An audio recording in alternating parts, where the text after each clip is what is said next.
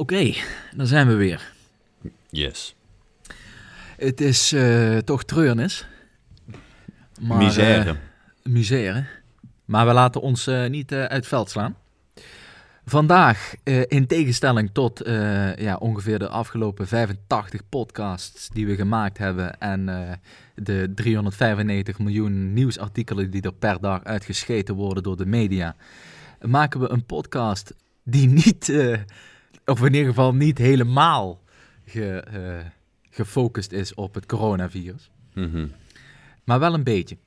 Want uh, we zijn met z'n tweeën tot de conclusie gekomen dat het coronavirus en vooral de reactie op dat coronavirus van de verschillende uh, landen, ja, wel een beetje duidelijk maken hoe de zaken ervoor staan. En daar bedoel ik mee dat ja, de politieke systemen wat, wat duidelijker naar voren komen in deze tijd.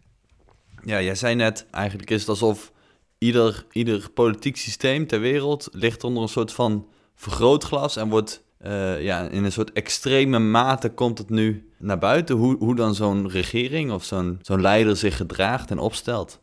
Ja, dus het is eigenlijk een hele mooie tijd voor ons om eens te zien, uh, ja, nu komt de aap uit de mouw. Hoe, hoe, hoe is zo'n persoon nou echt? Hoe is zo'n land nou echt? Juist, ja. Dus ik stel voor eigenlijk volledig in lijn met onze gewoonte om die muziek aan te zwengelen.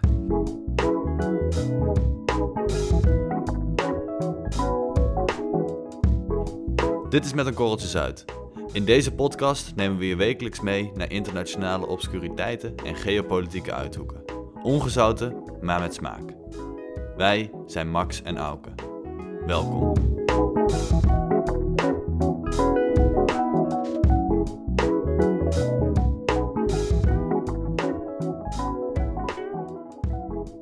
Eigenlijk beginnen met misschien wel meteen het mooiste en duidelijkste voorbeeld wat er uh, op de wereld te vinden is. En dat is helemaal niet zo ver weg. Mhm.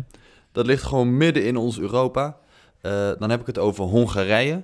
President mhm. Orbán, die heeft daar, uh, die heeft sowieso altijd al wel enigszins dictatoriale trekjes gehad. Maar goed, die werd dan toch door de Europese Unie een soort van op het matje geroepen. En dan werd er weer een paar stokslagen uitgedeeld links en rechts. En en dan gedroeg hij zich gewoon weer. Ehm, maar op de achtergrond is hij daar toch al wel een jaar of tien bezig met alle uh, rechterlijke instanties en wat dan ook af te breken en uit te hollen. Uh, maar wat heeft die? de. Ja, die is al een jaar of tien daar uh, in ieder geval eh, flink bezig om daar huis te houden. Um, maar wat heeft de beste man nu deze week voor elkaar gekregen? Het is coronacrisis, dus dat is een noodsituatie. En uh, als we iets weten van noodsituaties, is dat het moment om als regeringsleider er noodwetten doorheen te voeren. En hij heeft het geluk dat hij een, met zijn partij een, een twee derde meerderheid heeft in het parlement. En hij heeft er dus zonder al te veel um, ja, morren van de oppositie. Of ja, de oppositie heeft wel lopen morren, maar die konden verder niet zoveel. Uh, heeft hij er dus een, uh, een, een noodwet doorheen gejast wat hem praktisch alle macht geeft. Hij kan dus, uh, ja, in het Engels zeggen ze dan rule by decree. Dus hij kan gewoon mhm. iedere keer een decreet uitvoeren. En daar, wordt, daar is verder geen, geen enkele controle uh, uh, op vanuit het parlement. Oké. Dus als die man zegt, vanaf morgen dragen we allemaal blauwe puntmutsen, dan ja, de Hongaren ja, dan, vanaf morgen blauwe puntmuts. Absoluut. En uh, nou, de, kan daar niks meer tegenin uh, gebracht worden? Daar kan, nou nee, nee, dat is dus het mooie. Ja, hij heeft het heel slim voor elkaar. Wat ik zei, hij heeft dus twee derde meerderheid.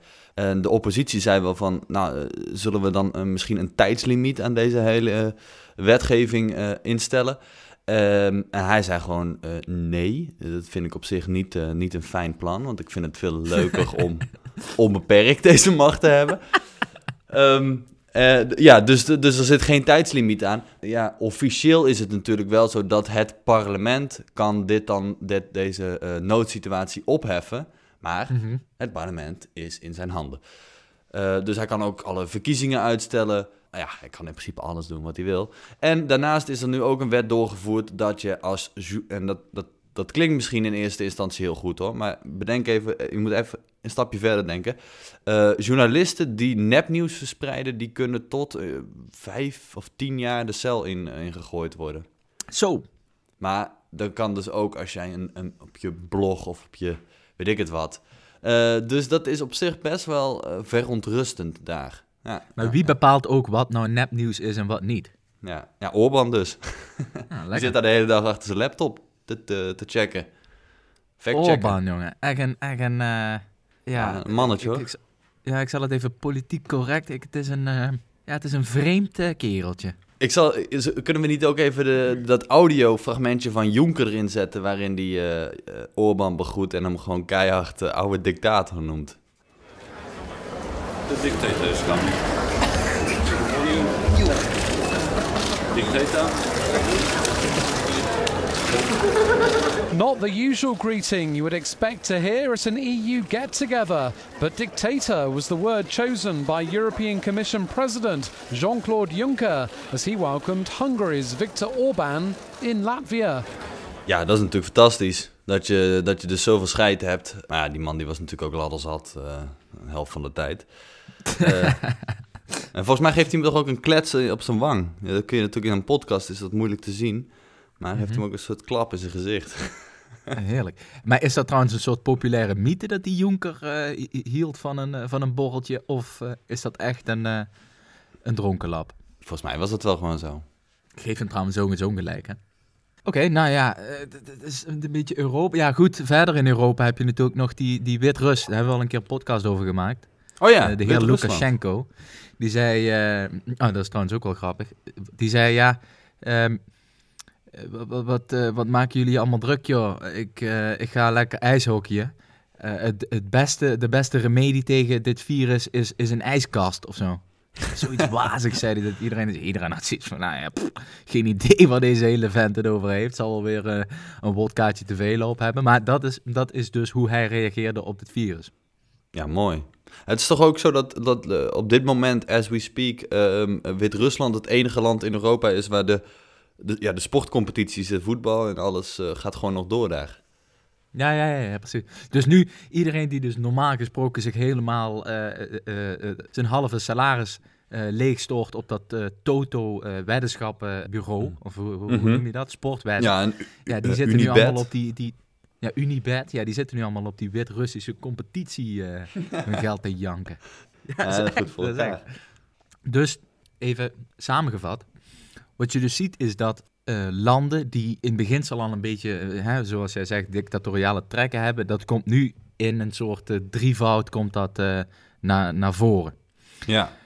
en nog zo'n land, maar ik hoorde daar toevallig een podcast over. Ik weet niet of we nu trouwens heel erg voor de luisteraar van links naar rechts over die aardbol heen springen.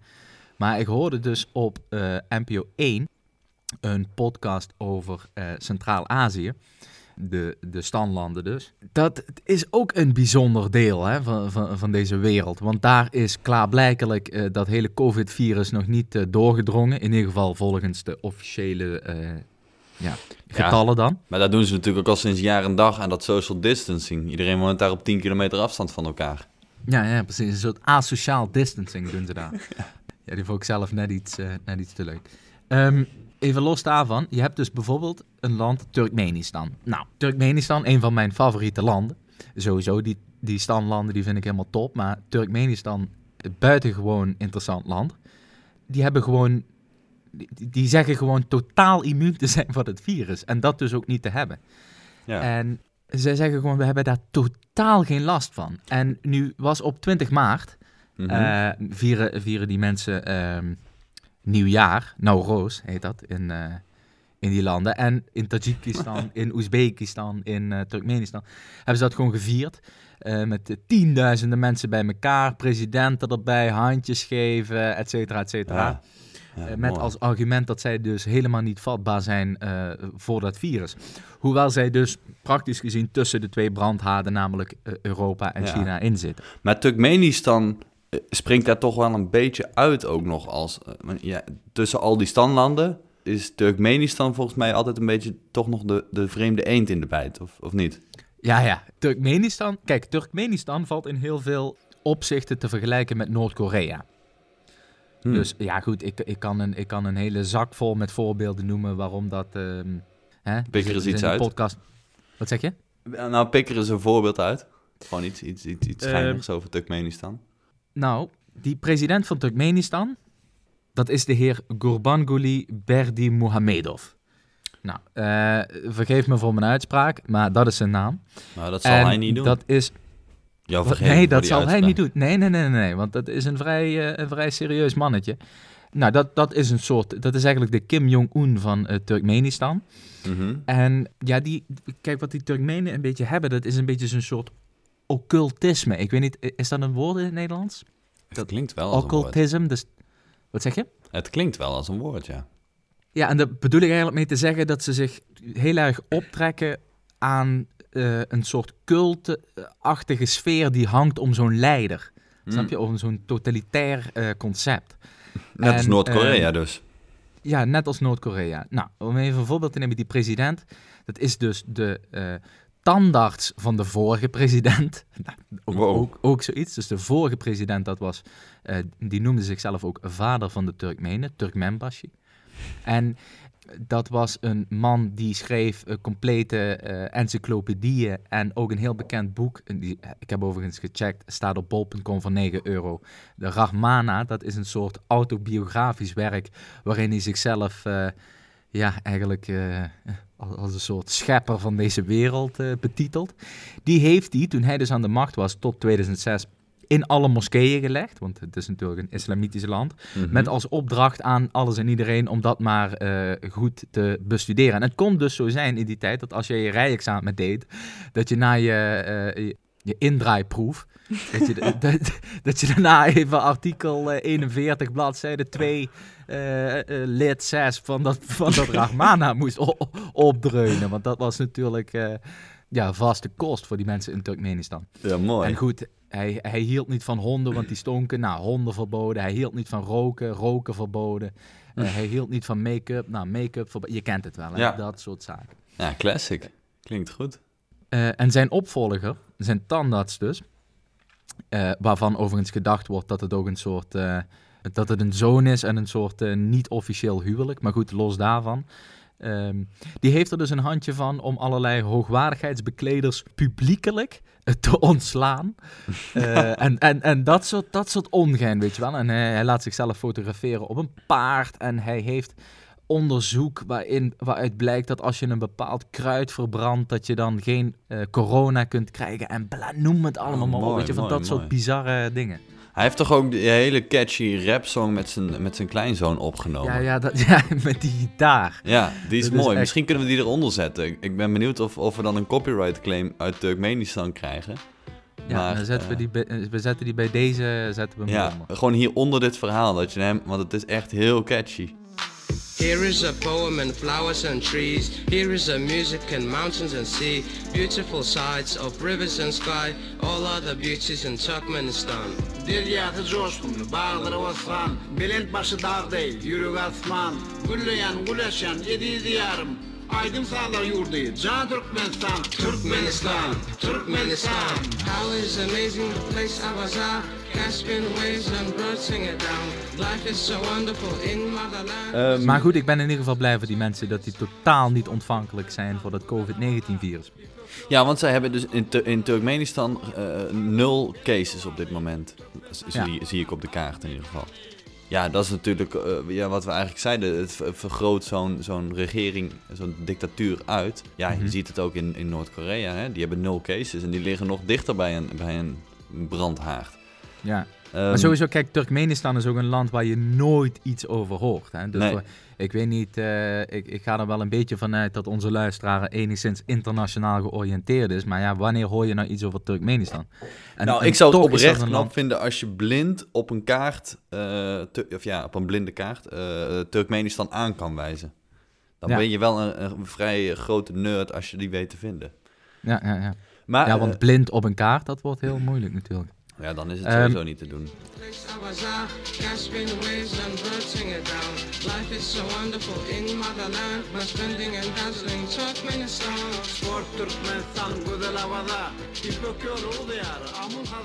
Ja, weet je wat trouwens ook een, eh, een mooie is, als we het toch over, over een soort van onbekende dictaturen eh, hebben.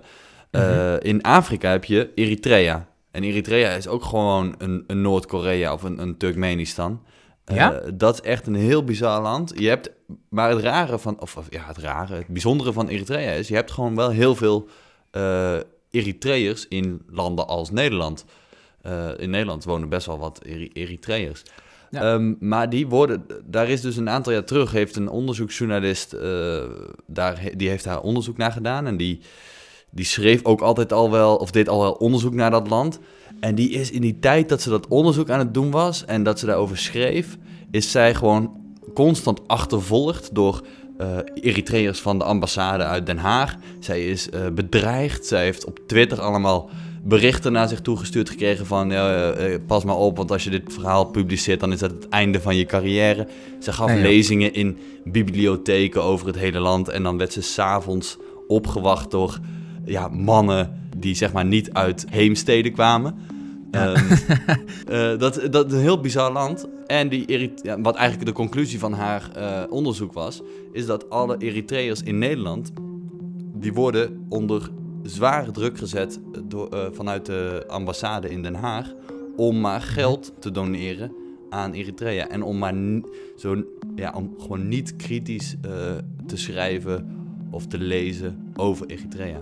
Nooit, maar sowieso, ik heb me nooit, ik heb nooit stilgestaan überhaupt bij de politiek van Eritrea. Kijk, we weten natuurlijk allemaal dat Eritrea eh, geen Noorwegen is, maar dat daar een soort eh, dictatoriaal regime eh, heerst. Ja. Dat is me, is me echt totaal niet bekend. Ja, en met hele strenge controle dus. En een heel, ehm, heel fors overheidsapparaat wat achter je aangaat. De kans dat wij er nu... ik ben heel benieuwd. Als we nu, kunnen we nog iets zeggen? Eritrea is kut. Ik ben benieuwd of ik morgen dan een, eh, een bericht of zo op, op mijn Instagram... Maar misschien is dit ook wel precies de reden dat er zoveel Eritreërs nu in eh, Nederland en misschien ook andere landen in Europa zijn. Hmm, ja. ja, ja, misschien wel. Maar ze worden dus wel, eh, ja, eh, woorden als afgeperst, die, die, die komen wel langs. Over dat ze dus toch wel een duit in het zakje moeten doen om de Eritrese staatskas, a.k.a. de persoonlijke portemonnee van die dictator, te spekken. Maar jij zegt toch 12 cases. Eh, in Eritrea, ja. Ja. Eh, Dus ik- is ja, toch 12. wel corona. Ja, ze hebben daar toch wel corona. Ja, het is natuurlijk op dit moment ook wel... Ja, je bent natuurlijk als Noord-Korea... Nou, ben je sowieso al niet meer geloofwaardig, maar ook als Turkmenistan... Je bent gewoon niet meer geloofwaardig als je op dit moment nog eh, zegt dat je geen corona in je land hebt. Ik bedoel, Vaticaanstad heeft zes cases. Maar ja, oké, die liggen nog wel in Italië. Dus dat kan. Ehm, Maar in, in principe is toch overal op de wereld op dit moment wel iemand met corona. Nou, misschien die eilanden in de Stille Oceaan, dat die nog eh, bespaard blijven. Maar voor de rest... Maar dan blijkt dus dat eh, warmte, want ja, hè, Eritrea, ik, ik ga er een beetje vanuit dat het daar redelijk eh, warm is, Ja. dat, dat, dat warmte daar dat niet zoveel tegenhoudt, dat virus. Nou ja, op zich is 12 cases nou ook weer niet eh, heel veel. Klopt. En ik wil ook nog maar één keer benadrukken, wij zijn dus geen virologen. Twee leestekens op de E.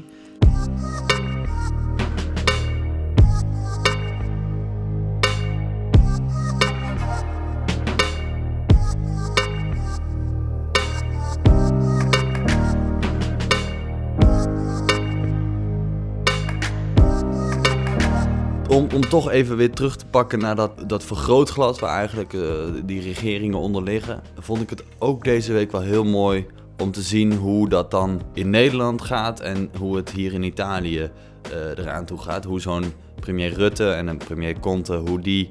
Nou, Premier Conte. Ja. oh. Je ziet dus dat Nederland echt een liberale regering heeft. Dus die willen niet zo snel zo'n land echt op slot gooien.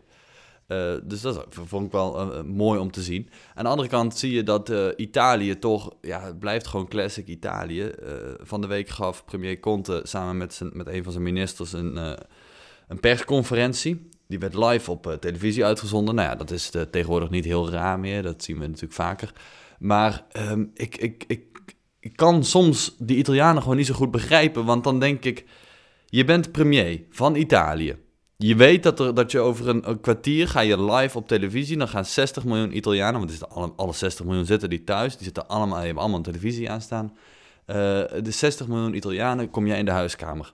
En op de een of andere manier heeft hij of of iemand eh, in zijn kringen bedacht om dan in dat justitie of in dat, in dat, in dat ministerie waar zij zitten de meest gehorige badkamer te vinden in dat hele gebouw. Daar zetten ze op, op een meter afstand een microfoon van hem neer. En dan is het alsof je in een soort. Ja, alsof je in je eentje in een heel in, in een soort lood staat. Zo klonk het een beetje eh, op de televisie. En vervolgens ja, vond hij het dus een goed idee om in te bellen met een aantal experts, links en rechts. Dat ik denk, maar dat, die, waarom zijn die experts niet gewoon daar? Maar dat ging dan via Skype en dat was ook weer alsof je, alsof je in 2005 net voor het eerst je Skype-verbinding aanlegt. ja, een soort krakelige robotstem van een of andere expert uit, Mhm. uit Milaan die daar dan weer wat gaat vertellen. Ehm, ja, Die dan zegt het- dat- Ja, ik vond het weer tekenend. Ja, ja. Ja, top. Ja, hetzelfde geldt natuurlijk voor die Bolsonaro hè, in Brazilië. Oh ja, ja. Kijk, hij, hij heeft natuurlijk ook geen uitweg. Hè? Ik bedoel, hij doet zichzelf zo stoer en eh, totaal vol met scheid voor. eh, Mhm. dat hij, hij kan nu ook niet het, het, het bange haasje gaan uithangen natuurlijk. Hij zegt gewoon, ja luister eh, mensen, ik ben zo gezond. Ik ben een sportman. Ik krijg dat virus niet. dat je denkt, Bolsonaro, kom nou eens even op man. Je bent ten eerste, even, de, hè, dus even alle gekkigheid op een stokje. Die man is gewoon een oude vent. En er Ja. komt nog eens bij, Dus risicogroep. in een risicogroep. En even, als je buiten die risicogroep valt, dan kun je ook wel een probleem hebben als je dit virus krijgt. Los daarvan eh, is dus uit, eh, en dat hè, niet eh, nader te definiëren bron gebleken dat twintig van zijn raadsmannen, oftewel ministers en allerlei eh, eh, politieke figuren daar in Brazilië ook gewoon positief getest zijn op dat virus.